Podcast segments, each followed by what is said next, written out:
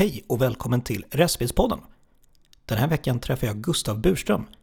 Vi möttes upp i hans garage i Åkersberga utanför Stockholm. Ett drömgarage för många, kan jag verkligen intyga. Vi pratar om de bilar han ägt och hur hans intresse för barkörning kom till. Hans extrema Porsche 944, som är en aning ombyggd. Samt hans resa till World Time Attack i Australien. Men även en massa annat i Gustavs liv. Avsnittet spelades in den 28 augusti. Trevlig lyssning!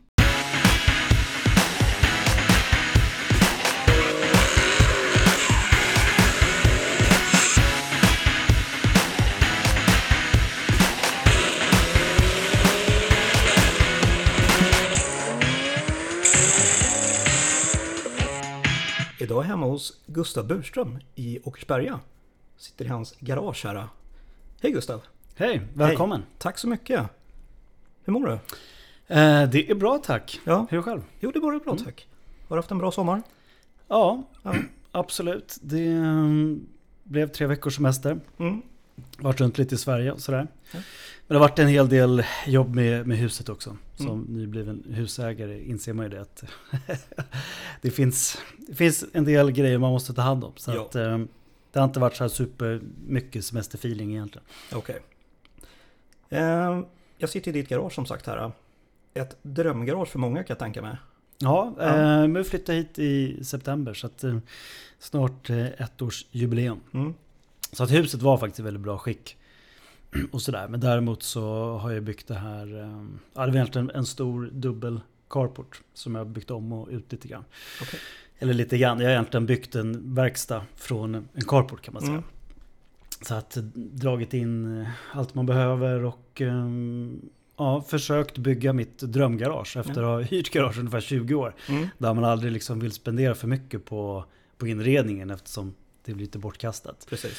Och jag gillar ju liksom att göra rätt från början. Ja. Så att jag har försökt göra så optimalt som möjligt. Mm. Eh, och eh, det har blivit superbra tycker jag. Ja. Så att här trivs jag väldigt bra. Din mancave. Det här är min mancave. Ja. Det finns... eh, Ja, man skulle faktiskt kunna bo här. Ja, Eh, så att det finns eh, det mesta man behöver. Det finns en hel del maskiner. Det finns eh, en kyl med kall öl. Och, Mm. mm, TV, bredband. Så Mm. att man klarar sig. Ja.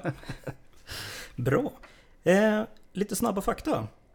Ålder. Eh, 42. Yrke. Eh, jag jobbar som konsult. IT-konsult kan man säga. Familj. Ehm, Jag har fru och en liten dotter på fem och en halv månad. Förutom bilintresse. Eh, hinner inte med någonting annat. Eh, och det har väl varit så de sista tio åren faktiskt. Eh, men andra intressen som jag, som jag har men som jag inte hinner hålla på med är väl egentligen musik. Okej. På, med musikproduktion, gjort elektronisk musik förut, Mm. spelat gitarr.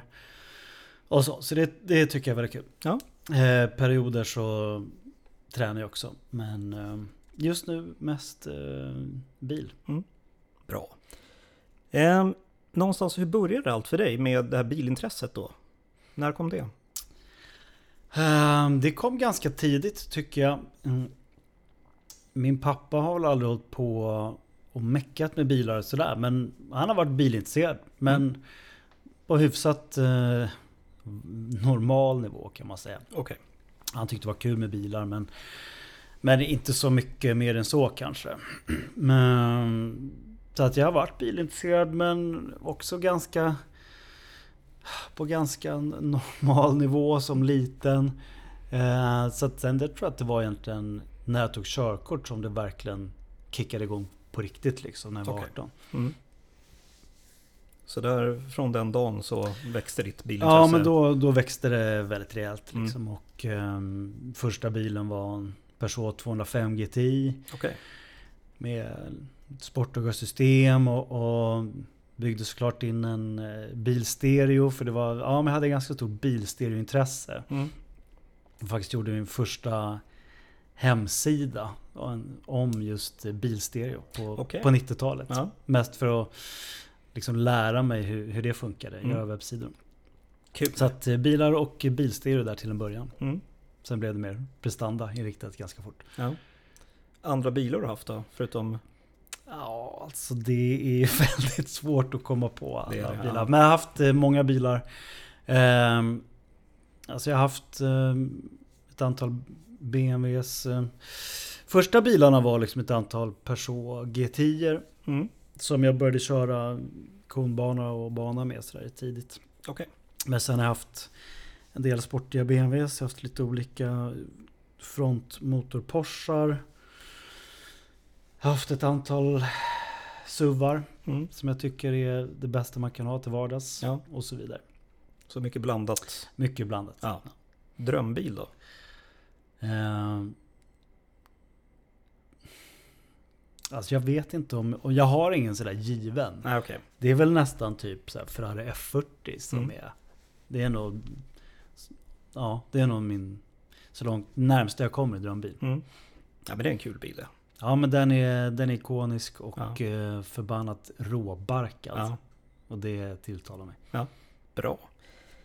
Eh, du har ju pratat lite om att du körde konbana och lite sådana saker. Och sen eh, har ju du din eh, Porsche 944 som står här bredvid oss. Som du har hållit på med nu i tio år ungefär. Var det där du kom in på bankörning? Nej, det, Nej. Var, det var också långt innan dess. Okej. Ehm, Så att första gången jag körde bana var någon gång på 90-talet. Okej. Med eh, min första bil, min Peugeot 205 GT. Så det var på de här klassiska en dag på racingbanan med bilsport som de arrangerar. Okej. Som jag vet en hel del andra i, runt, ja, runt min ålder. Första gången de körde bana var på just de eventen. Mm. Så det var på Kinnekulle. Okej. Eh, Så det var första gången. Sen eh, körde jag ett par gånger med de här personerna jag hade. Sen senare, som var också faktiskt slutet 90-talet, köpte jag en Porsche 968. Som var helt original. Mm. Eh, köpte den på Porsche Center. Begagnad. Eh, kändes väldigt eh, lyxigt och kul. Eh, och den körde jag med eh, i Porscheklubbens slalomserie. Okej. För de har en sån slalomcup liksom. Så Mm. då körde vi på stora flygfält. Okej. Så det var egentligen där som jag kom in, kom in på det. Eh, och sen... Så vart det ett uppehåll kanske med, med sådana bilar ett tag. Och sen började jag köra mycket bana igen. Mitten 2000-talet. Början. Ja, 2004-2005. Okej. Med just Porsche 944 Turbo. Mm.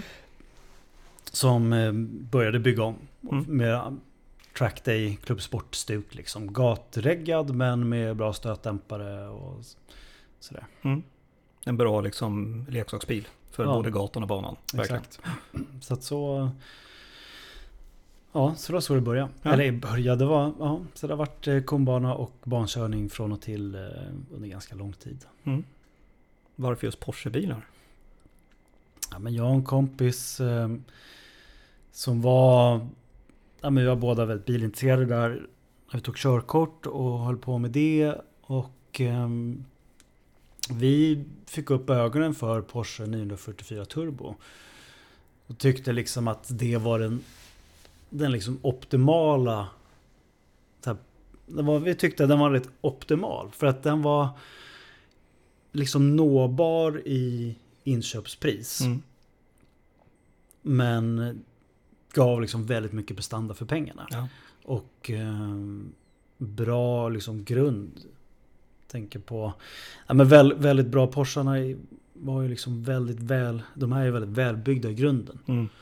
Så det, det är till skillnad mot många liksom japanska bilar. Mm. Där väldigt mycket underdimensionerat. Ja. Om du ska köra fort på banan. Liksom. Så det var... Ja, det var på den vägen det var. Och sen Mm. så skaffade jag en 944 Turbo. Eh, lite senare. För typ... Ja, det var ju för sig typ så här 17, 18, 19 år. Okej. Eh, och den började jag trimma och bygga om. Mm. Och började utveckla egna trimsatser till den. Och, så. Okej. och började... Mm, så att det, det började mm, lite som en hobbyverksamhet också. Med, med trimgrejer till det. Mm. Sen blev det ju så, ju mer jag höll på med de bilarna, ju mer lärde jag mig om det. Och då föll det sig naturligt att liksom fortsätta Ja. på det spåret. Ja. Så från den dagen så var det Porsche liksom Ja, för hela slanten. exakt. Men sen har ju du din Porsche 9, är det 944 i grunden? Alltså i, i grunden så är det en 944. Ja. Jag kallar det för 968. 968? GT. Ja. Ja. För den förut, eller den karossdesignen är ju baserad på 968. Mm. Och förut så den nästan enda Porsche den hade var just motorn och det var baserad på 968. Så att, Okej. ja, jag kallar det för 968. Ja. Och den har du haft i Drygt eh, 10 år. 10 år. Hur kommer det sig att du köpte den? Jo, men jag hade en, en annan 944 Turbo innan dess. Mm. Som jag kallar för Gröna Jägaren. Okej. Eh, så den hade jag i typ ganska många år. Jag lackade om den och liksom byggde in bur och var riktigt schysst klubbsportbil. Liksom. Och eh, ja, men bytte allting på den. Stötdämpare, bussningar, karringningshämmare. Liksom. Eh, tog ut eh, ljuddämpningen. Satte in lite tunnare, snygga mattor. Byggde, gick igenom rätt många olika motorer och styrsystem. Allt sånt där. Och den körde jag även på bana med. Okej. Sen, eh, sen dök det upp till salu en väldigt välutvecklat rullande chassi. Mm. Som man hade kört långlopp med. Som var en, en breddad 944. Som hade gått i ER Cup heter det, som är en långloppsserie. Okej. Där de hade kört en Volvo-motor i den.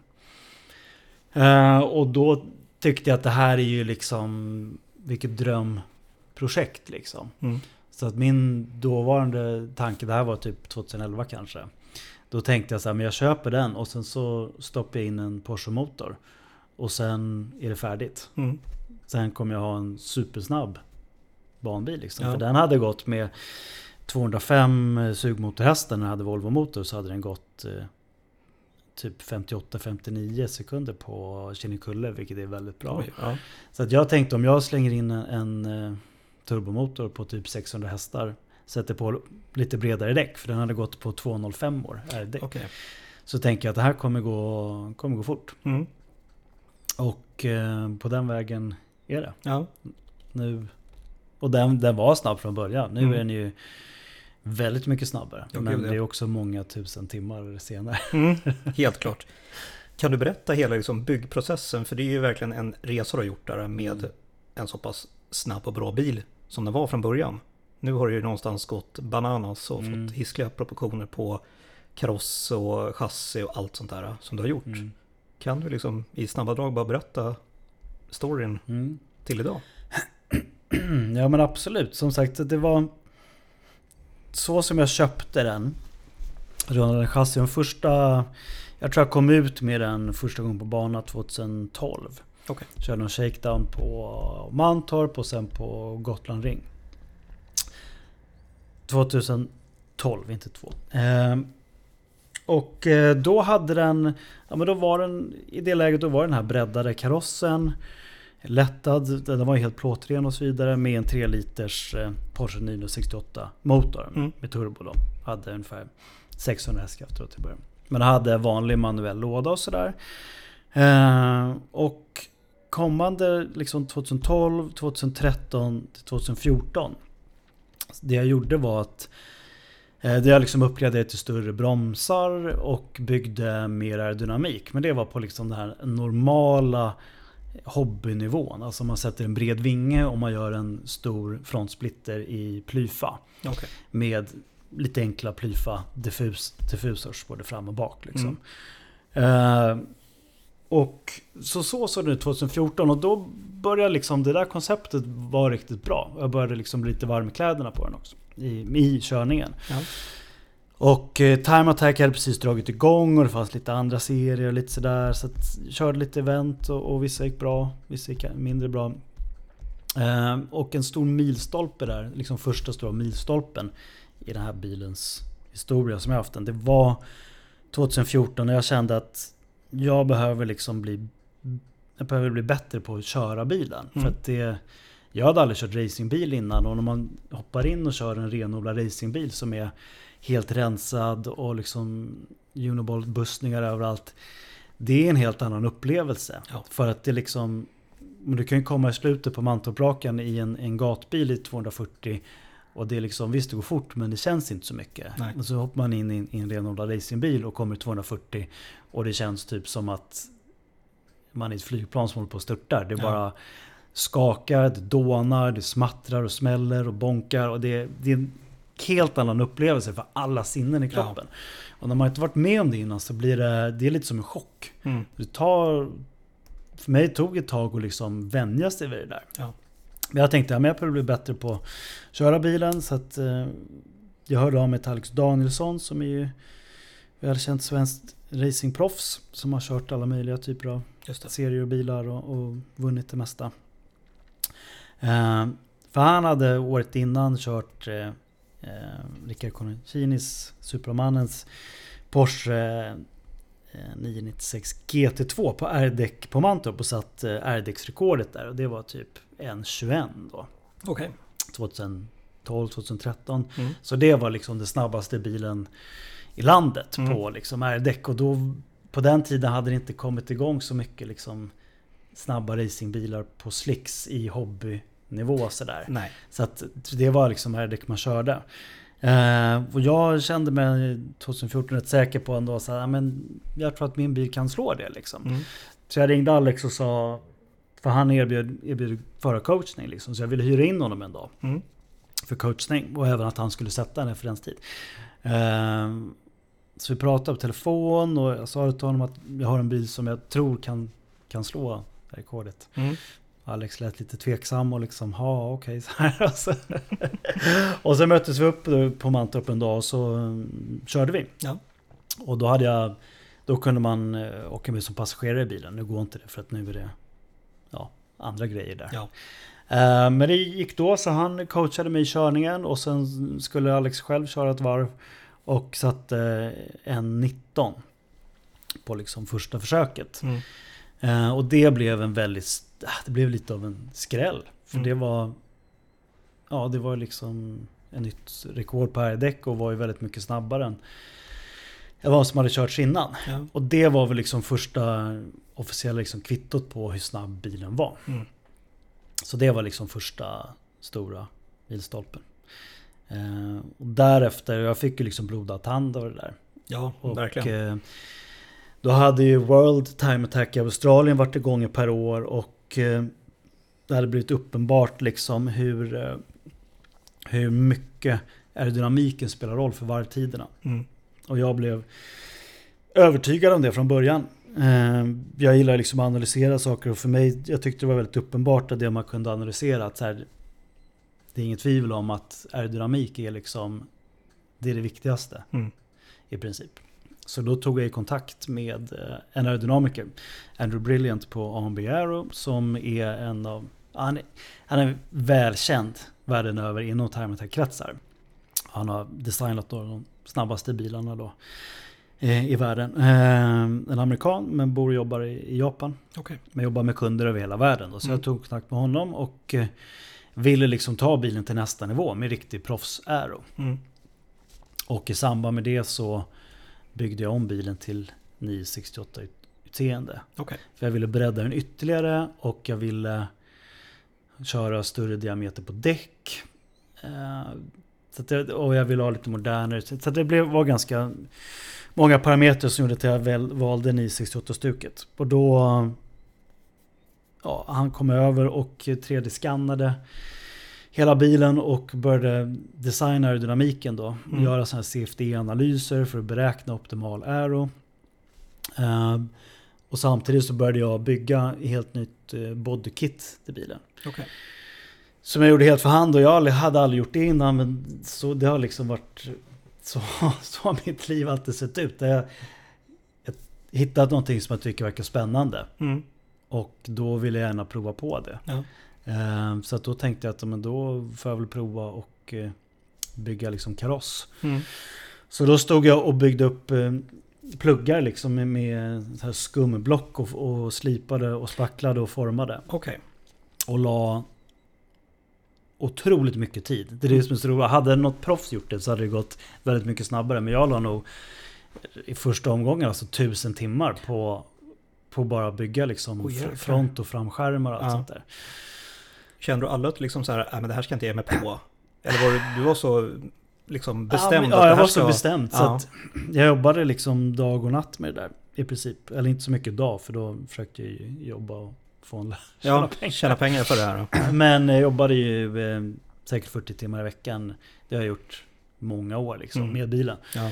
Ehm, och sen eh, gjorde gjutformar och liksom gjutit eh, mycket kolfiber själv och sådär. Och tänkte att det också vore kul att lära sig och köper vakuumpumpar och liksom försöker läsa på. Det är också så svårt att veta så här, men, okej, men hur många lager av olika eh, kolfibermattor, vad, vad behöver man? Mm. Vad är liksom bäst kompromiss av styrka och vikt? Ja.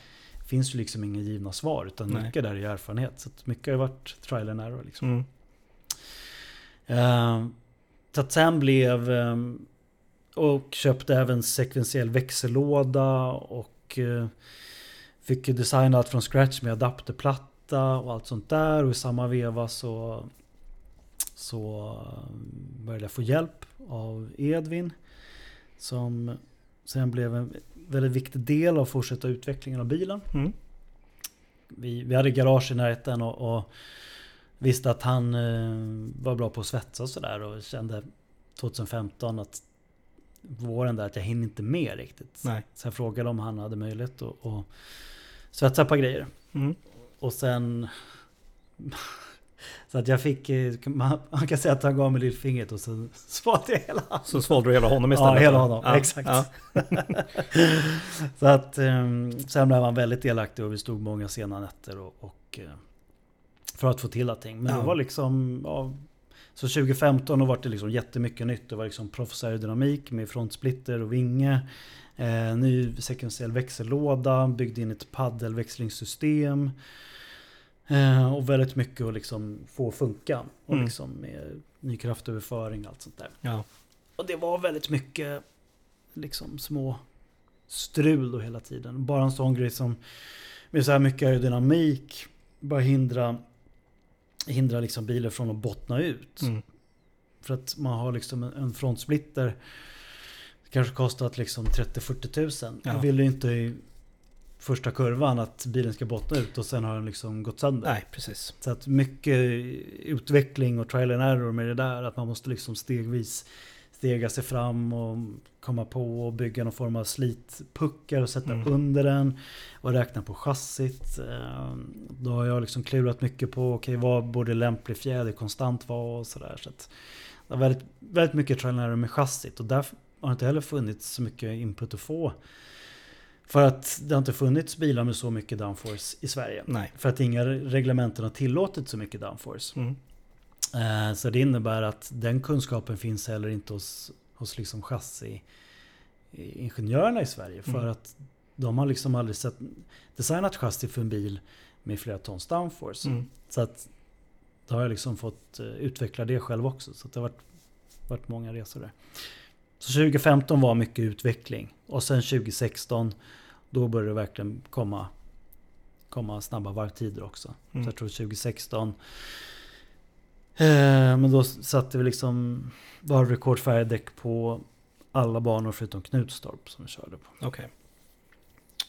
Eh, och satte nytt eh, rekord. På, på Mantorp har alltid varit liksom referensbanan. Mm. Det viktigaste. Det Okej. är liksom de andra banorna, jo det är klart varvtiderna är viktiga men det går inte att jämföra med Mantorp Nej. i min värld. För Mantorp är liksom, ja men det är referensbanan. Mm. Liksom, har man en snabb tid där då, då är bilen snabb. Så varje gång du har byggt någonting nytt och ska testa det så är det Mantorp som gäller? Ja, exakt. Sen är den också bästa banan. Alltså de andra banorna i Sverige, i många banor är ju så fruktansvärt små. Mm. Och, och, och knixiga. Det är liksom... Det... Ja. Det, det är väl gjort mer, lämpar sig bättre tycker jag för eh, andra old school racingbilar. Ja. Eller kanske små nätta GTI-bilar som. Men Mm. har man en bil med mycket effekt och mycket aerodynamik så blir det nästan lite så här, nästan bortkastat. För Mm. att det finns inte så mycket högfartskurvor och grejer där man verkligen kan utnyttja liksom. Och det ser man ju på varvtiderna. Vissa bilar kan ligga väldigt nära varandra på säg Gelleråsen. Mm. Eh, eller Kinnekulle. Och sen på Mantorp så är det helt plötsligt ett väldigt stort gap. Ja. Och dels är det för att det är längre raksträcka, så Mm. motoreffekt spelar roll. Men hela liksom Pariserpartiet och även krönet liksom efter Mjölbykurvan upp där och så vidare. Det finns några kurvor där verkligen är att spela stor roll. Mm. Så att Mantorp är viktigaste så för Ja. mig. Så att 2016 var ett häftigt år med mycket snabba tider och, och då på King och Mantorp där satte en, en 17 vilket var nytt och RDX-rekord och det stod sig ett par år. Men alltså det har ju varit väldigt mycket, just som du säger, mycket testa på. Mm. Att allting ska funka Mm. liksom med alla, liksom, för du har ju allting i huvudet. Mm. Det här vill jag ska funka, men funkar i praktiken liksom. Hur har du någon, du har ju fått till det väldigt bra, måste jag säga. Mm. Fruktansvärt bra. Hur har du orkat hålla på med det här liksom? Att allt ska funka och hela den Mm. biten liksom. Ja men jag har varit, eh, som vi pratade lite om tidigare, jag har väl aldrig liksom velat skjuta upp något eller liksom Nej. ta några genvägar och så. Utan jag har verkligen... Jag, jag tycker det är väldigt kul att liksom optimera saker. Man analyserar och sen så börjar man direkt fundera på, men vänta, okej, men om man gör lite sådär så kanske det kan bli ännu lite bättre. Ja. Och det där har väl varit så stimulerande för mig. Mm. Så det har liksom drivit på vidareutvecklingen. Ja. Och eh, jag har väl liksom också varit mycket självbild. Att jag har liksom, det har inte varit i min, det har inte stämt överens med min självbild att typ ge upp. Så att jag har satt väldigt stor ära i att inte göra det. Mm. Utan fortsätta kämpa på. Mm. Och har jag haft motgångar så har jag ofta mentalt försökt vända det till att det blir som en prövning. Mm. Och då vill jag bevisa för mig själv att jag inte ska låta mig bli nedslagen av en motgång. Nej. Och då blir det liksom extra triggande Mm. att eh, se till att liksom komma igen. Mm. Och då ger det en liten boost och Ja, då verkligen. fortsätter det sådär. Så att det... um, Mm. Men det har ju då har jag haft ett pris och då har jag ju liksom, jag har ju nedprioriterat det mesta andra under många Mm. år i livet. För det. att eh, verkligen satsa all Mm. in. Liksom. Har du någon gång liksom känt att nu lägger jag ner? Eh, nej, men jag har ju känt många gånger att eh, jag vill lägga ner. Ja. Och jag har liksom i vissa partier eh, kämpat med att liksom tänkt sig varför, varför gör jag det här? Ja. Varför, eller framförallt varför gör jag det här mot mig själv? Mm. Liksom, jag, liksom, jag vill inte Nej. egentligen. Jag vill inte vara i den här sitsen. Mm. Men jag har liksom känt att alternativet att typ ge upp eller lägga ner är så mycket jobbigare Mm. för mig själv. Ja. Än att eh, kämpa vidare. Så att jag har alltid kämpat vidare. Mm. Liksom. Med, eh, med, med råga verkligen kan man ju säga där. Ja, och sen har det ju klart varit... Eh, nu håller inte på lika mycket. Nej. Ehm, alls. Ehm, därför sen kortfattat slutet, alltså sista åren av tävlingslivet, så att säga, utvecklingen av bilen, ja, men då var det 2016 gick bra som sagt med R-däck och allting. Ehm, men jag har alltid satsat på utvecklingen av bilen snarare än att försöka liksom ta en serievinst. Mm. Eh, För att ah, det är liksom inte Le Mans. Nej. Och det är ändå time attack och det handlar om varvtider. Så Mm. för mig har liksom... Nej, det har klart varit superfrustrerande. Många race där jag haft snabbast varvtid men inte kommit på pallplats för Mm. att något har hänt Ja. i finalen. Ja. Men jag har alltid velat satsa 100%. Mm. Så. Och sen ibland går det inte hela vägen. Nej. Men för mig har det ändå varit viktigare än att köra på sparlåga och komma på pallen. Mm. Liksom. Sen vill jag köra, ja men då var också, hade vi börjat utveckla bilen. Eh, Pro-reglementet i time attack, man ville väl be, börja begränsa lite grann. Så att då fick jag gå över till slicks Mm. från RDX. Så då körde jag slicks 2017. Och sen eh, till 2018 så började jag bygga om jättemycket på bilen igen. Mm. Så 2018 är egentligen enda året eh, innan dess som jag inte körde en full säsong. Okej. För att innan har jag liksom alltid satt också stor ära i att så här, men bilen ska vara redo Mm. till säsongen. Eh, så 2018 var ett lite mellanår. och shakedowns. Och sen 2019 började jag köra full säsong med Time Attack nu. I Pro, Pro Mod. Och det gick bra. Liksom vann första racen och så. Eh, men sen... Eh, ja, sen eh, dök det upp en bra tillfälle att komma iväg på World Time Attack som jag varit en dröm. Just det. Så då gjorde vi det. Mm. Hux flux. Skickade iväg bilen dit. Ja. Tävlar där då oktober 2019. Som är den senaste VTAC. Eh, och sen dess har jag inte kört bilen. Nej. Och nu håller jag på att bygga om absolut hela bilen igen. Mm. Finns aldrig ett slut. Nej, Nej. men alltså de planerna och liksom allt som är påbörjat nu. Antingen i bygge eller i liksom designstadie. Är, det, det är liksom ultimat vad man kan ta det här Ja. crossen nu. Ja. Liksom. Du nämnde ju det där med World Time Attack i Australien. Resan att ta sig dit, hur var den? 2017 så åkte jag och Edvin dit som besökare. Okej. Ehm, Tog lite semester i Australien och just för att besöka World Time Attack och se liksom, är det här något som man känner att man verkligen vill göra? Mm. Eller kommer vi åka därifrån och känna att det är superhäftigt men det är liksom kanske inte värt det? Mm. Så vi åkte dit då och liksom träffade ju även Ian som driver World Time Attack och liksom presenterade oss och, och så. Att vi hade ambition att eventuellt åka dit och så.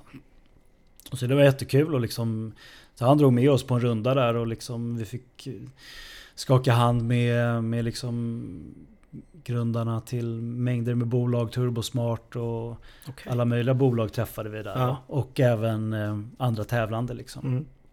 Så det var, det var väldigt kul och det var ett jäkligt stort spektakel. Så vi åkte eh, givetvis hem därifrån och satt på planet och eh, drack eh, gott om öl och började skissa på, på en speslista på grejer vi borde bygga om för Mm. att kunna åka dit. Liksom. Ja. Hur gick eh, från den när ni landade, Mm. sen började arbetet? Då började arbetet och det var väl därför liksom 2018 blev ett eh, mellanår för att börja bygga om så mycket grejer. Eh, sen eh, blev det inte möjligt att åka till VTAC 2018. Dels för bilen var inte tillräckligt redo. Och eh, vissa andra liksom...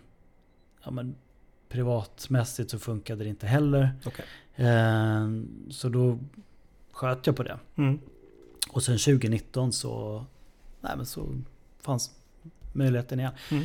Och att från dess att, och då hade vi ändå liksom varit där, var det ju liksom kontakt med arrangörerna och eh, visste ju att bilen, vi visste ungefär lite små grejer på bilen som behövde fixas för att skulle bli godkänd där och sådär. Men, men det administrativa är fruktansvärt stort. Alltså. Ja. Det var ett jätte, jätteprojekt. Och liksom jag är ju van att, att driva stora projekt och, och sådär. Men det var, det var, alltså det var ett jätteprojekt. Ja. Bara liksom det här med att eh, skicka en container Mm. dit. Är, är ju en väldigt stor apparat. Ja. För dels är det vissa datum såklart som måste klaffa. Dels när du får containern också. Så att det är inte så att du har containern i ett par veckor och kan stå och lasta. Nej. Och vad mycket räknade på ytan i containern. Så att vi, och räkna på hur vi skulle liksom, hur många pallar och så vidare vi kunde packa för att få, ja, som vi kunde få plats med i Mm. containern och bilen. Och sen göra liksom packningslista och beställa hem liksom reservdelar på allt. Mm. Typ givare, ja men då ska det finnas ett antal extra givare till allting. Hjullager, det ska finnas extra hjullager, det ska finnas... Vi hade liksom extra grenrör, vi hade typ nästan allt med oss. Vi Mm. hade till och med en extra motor. En hel bil till Ja, nästan hade det mer. Förutom kaross då. Ja. Ja exakt, så det var väldigt mycket extra grejer vi hade. Ehm, så det var jättemycket jobb med det och så hade bra... Började bygga upp team också, vilka som skulle med. Så det var ju en stor del av det också. Mm. Och där är väldigt viktigt eh, att få bra liksom, dynamik i teamet. Så mycket sånt att fundera på. För det, kan inte, det räcker inte med att alla har rätt kompetens. Nej. För att det måste finnas, till exempel, om du ska driva ett framgångsrikt företag, du kan ju inte skaffa och du ska anställa 10 pers, du kan ju inte anställa 10 seniora chefer. Det kommer liksom inte funka. Mm. För alla kommer ha väldigt starka viljor och egna idéer. Och du behöver folk som kan utföra olika grejer också. Ja. Så det var, tycker jag, spännande, spännande liksom aspekt. Men fick ihop ett jättebra team. Mm. Ehm, Så en del var ju med eh, då när vi höll på att fixa med bilen och allting inför resan och göra liksom packningslistor och paketera grejer och tillverka nya småprylar och, och förbättra saker och sådär. Och sen var det jättemycket jobb med tulldeklarationer, varenda pryl skulle deklareras, ett värde och vikt på allting. Eh, och sen det, var det en väldigt lång lista och den skulle in till Svensk, Stockholms handelskammare. Som skulle utfärda så här tillfälligt exportpapper. För att normalt när du exporterar gods till eh, utanför EU då ska Mm. det ju det förtullas. Det. Men du vill ju inte exportera din bil till ett annat land betala kanske ja, rätt mycket pengar i tull som Nej. du inte får tillbaks. För Nej, sen ska precis. bilen hem. Ja. Så det var ett tillfälliga tulldeklaration för att kunna flytta gods utomlands och sen ta tillbaks det. Mm. Plus att i USA, nej, i Australien så är det hårda det. Så att om bilen kommer dit med liksom jordsmuts på Mm. däck eller hjulhusen så kan den hamna i en månads karantän. För att de är ju rädda om sin... Ja, Ja, de är väldigt hårda. det är väldigt de. hårda. Det kanske Ja. kommer in någon parasit som bara finns i Sverige. Exakt. Eh, så det var också jättenervöst eftersom bilen kommer ju dit och packas upp Mm. dagar före eventet. Ja. Eh, Så det var mycket sånt att tänka på. Mm. Eh, Och eh, skulle betalas depositioner för allting. Och så det var, ja, det var, det var mycket jobb. Mm. Och mycket olika licenser att lösa på plats. Ja. Och arrangera resan med liksom boende och hyrbilar. Och Mm. listor på allt vi inte kan skicka men vill köpa på plats. Mm. Och liksom depåutrustning. Vi liksom behövde bord och stolar till depån. Behöver ju liksom någonstans, behöver ju bränsle lokalt. Vi behöver liksom vissa andra grejer vi måste fixa lokalt. Mm. Det var ett stort projekt. Ja, minst sagt. Så att vi var ett gäng, vi var ju ändå sju pers där. Ja. Och, och det var... Det behövdes liksom. För det var ofta, det kunde vara... Vi hade ju testdagar och liksom massa nya problem uppstod som aldrig hänt i Sverige. Mm. Och då var det sådär, några var tvungna att åka till någon, eh, någon Porsche, någon specialverkstad i typ Sydney en och en halv timme bort för att svetsa några grejer. Någon annan måste åka någonstans för att fräsa någonting och så måste ju typ någon tredje gäng måste ju mecka med några grejer på bilen Mm. och sen så måste typ några fjärde, någon fjärde Oj, gäng oj. åka och handla mat. Så att, Ja. vi liksom var, så att det var en väldig organisation och det var tur att vi var så många. Mm. Så det, det var kul. Ja. Hur var känslan när väl hade liksom allt var klart, ni har landat, ni har kört racet. Hur var känslan efter det? Ja, men lite innan, alltså bara känslan att åka dit och vara på plats och preppa liksom innan. Det var fruktansvärt kul. Mm. För det, alltså bara, det är nästan största behållningen av allting tycker jag nästan var teamkänslan. Ja. När vi var där och man har liksom tydliga uppgifter vad man liksom ska göra. Och bara rodda runt allt och få Mm. allt att funka. Och det, bara att vara mitt uppe i det, det var, äh, det var så givande. Det Mm. var, var bland det roligaste jag gjort Ja. faktiskt. Också en milstolpe för det kan jag tänka Ja, mig. nej, men det var, för, ja, det var bara hela känslan och vi hade liksom grillkvällar på kvällarna och liksom planerade nästa dag. Mm. Ja, men gemenskapen runt det hela var väldigt mycket värt. Mm. Så Kul. efteråt, eh, som sagt, motorblocket sprack. Eh, ja, det är ju en liksom historia i sig hur det gick på tävlingen men, men det gick ju väldigt bra. Vi, tiden Alex körde, Alex Mm. Danielsson var ju med som proffsförare. Eh, tiden han körde var ju bästa europeiska teamet eh, någonsin då som har varit Okej, på VTAC.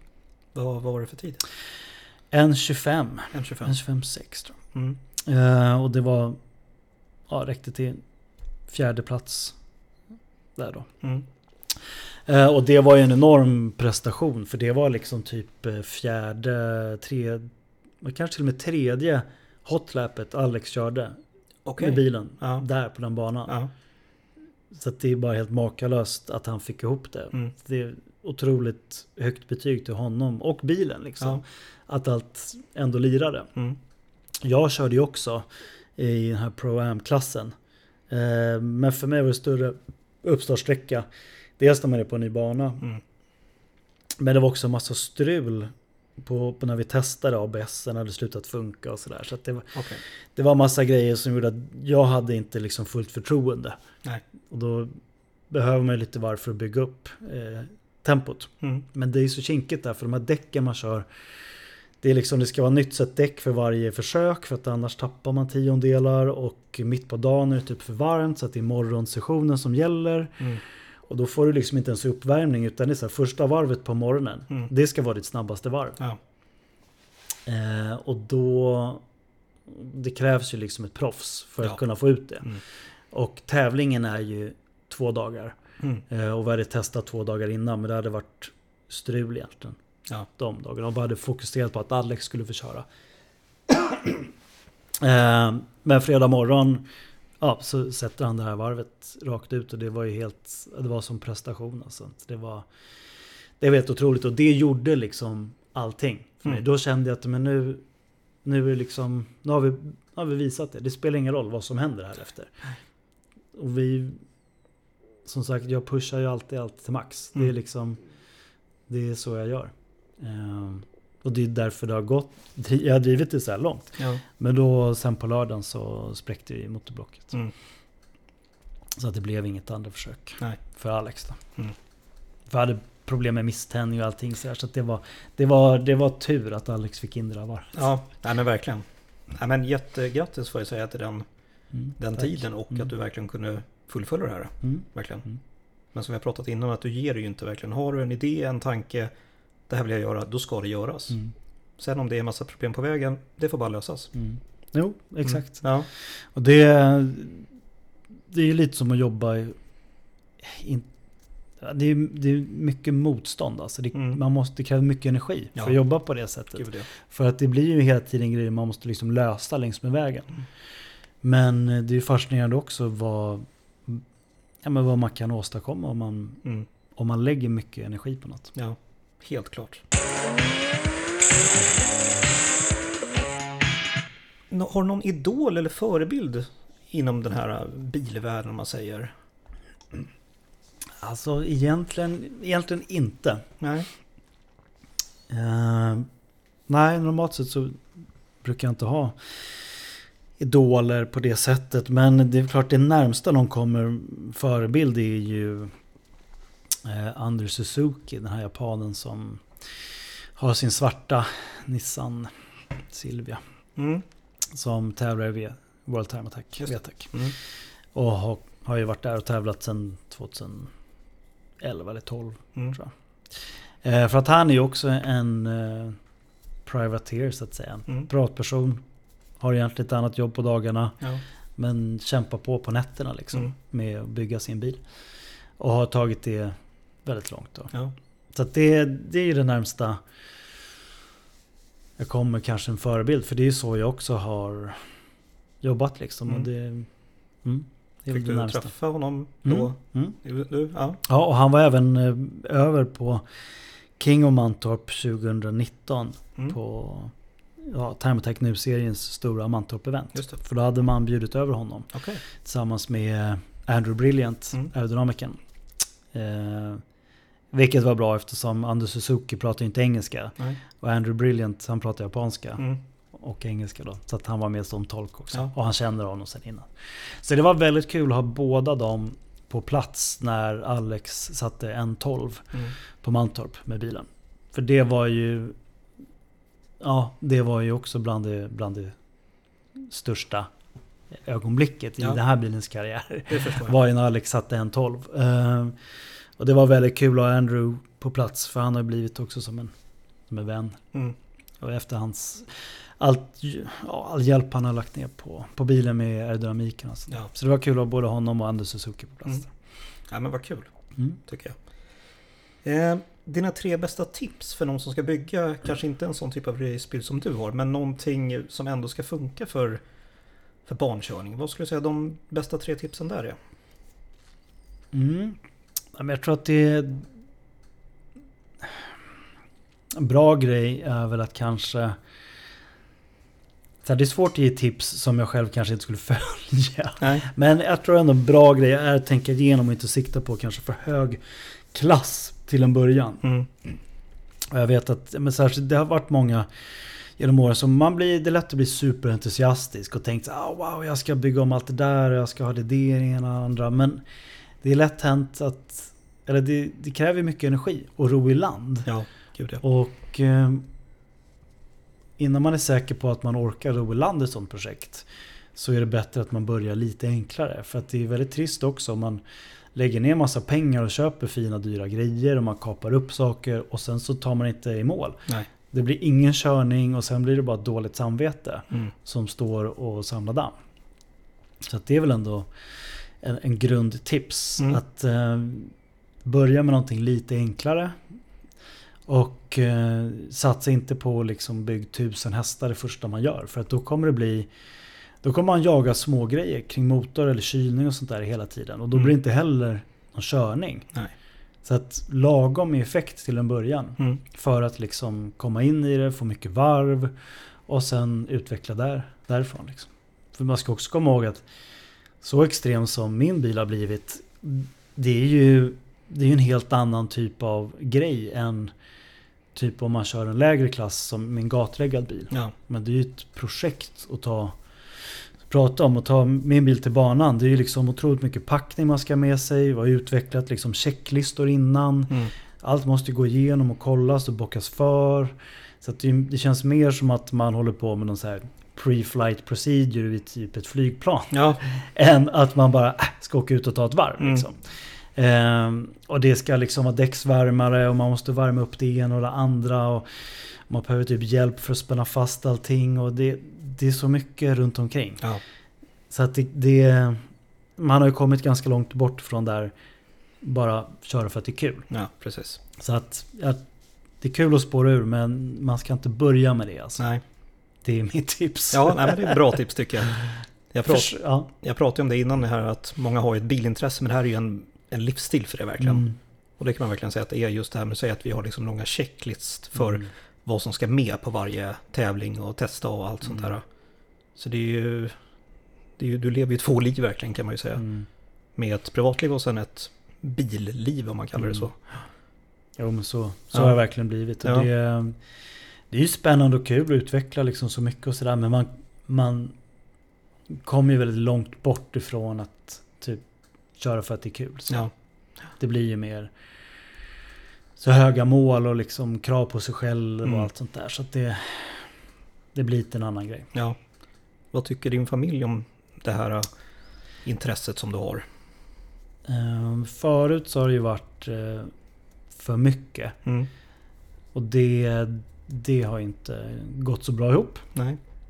Vilket eh, i efterhand är lätt att förstå. Men eh, överlag så är ju min fru väldigt positiv till det.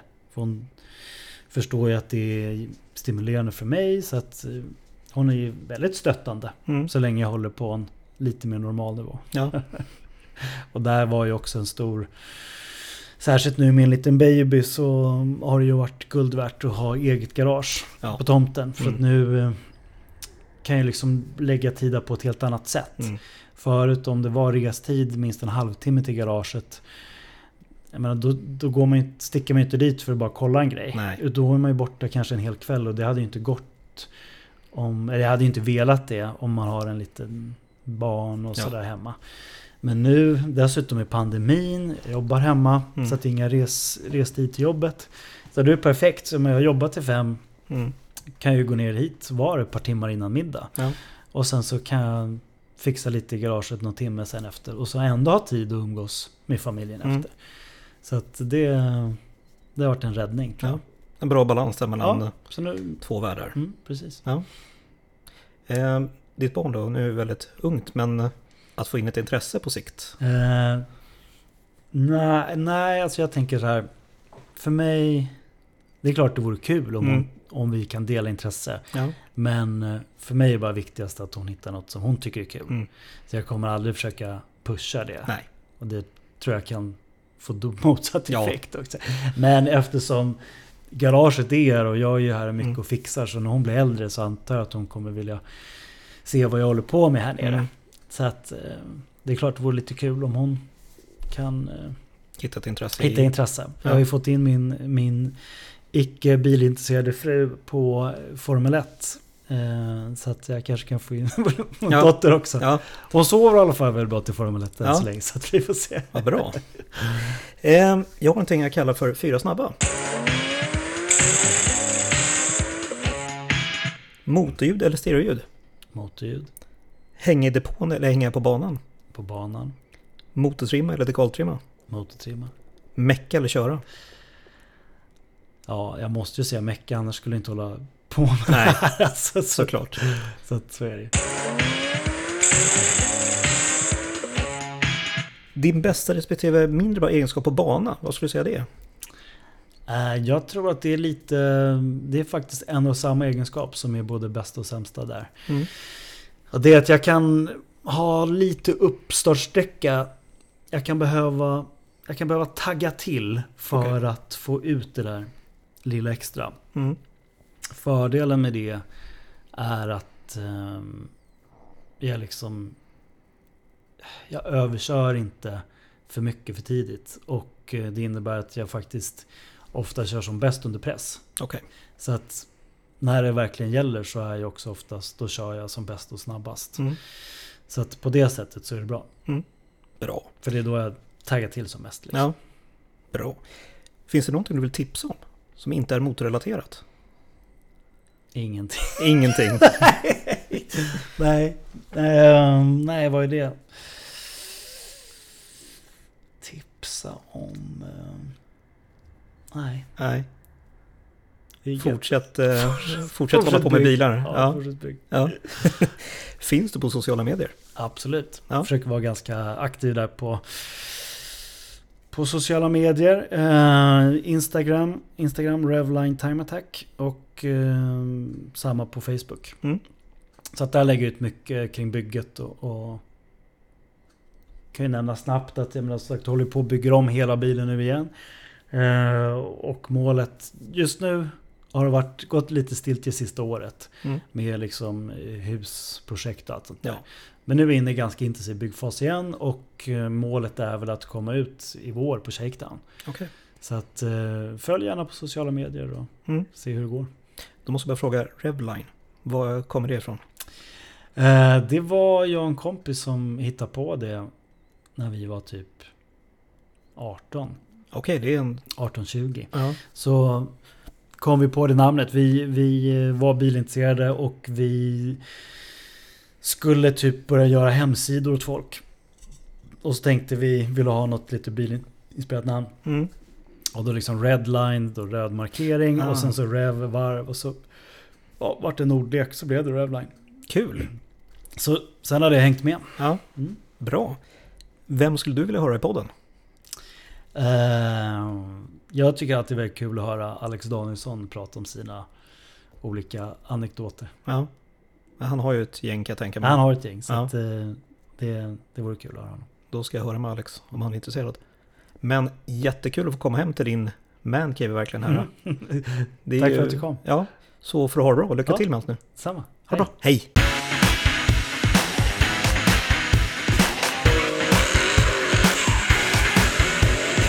Där har ni veckans avsnitt med Gustav Burström. Gustav är verkligen ett bevis på att bara man vill så kan man. In och följ hans team på Instagram och Facebook under namnet Revline Time Attack, där även Rättsbilspodden också finns. Tack för att ni har lyssnat. Vi hörs om en vecka. Ha det bra fram till dess. Hej då!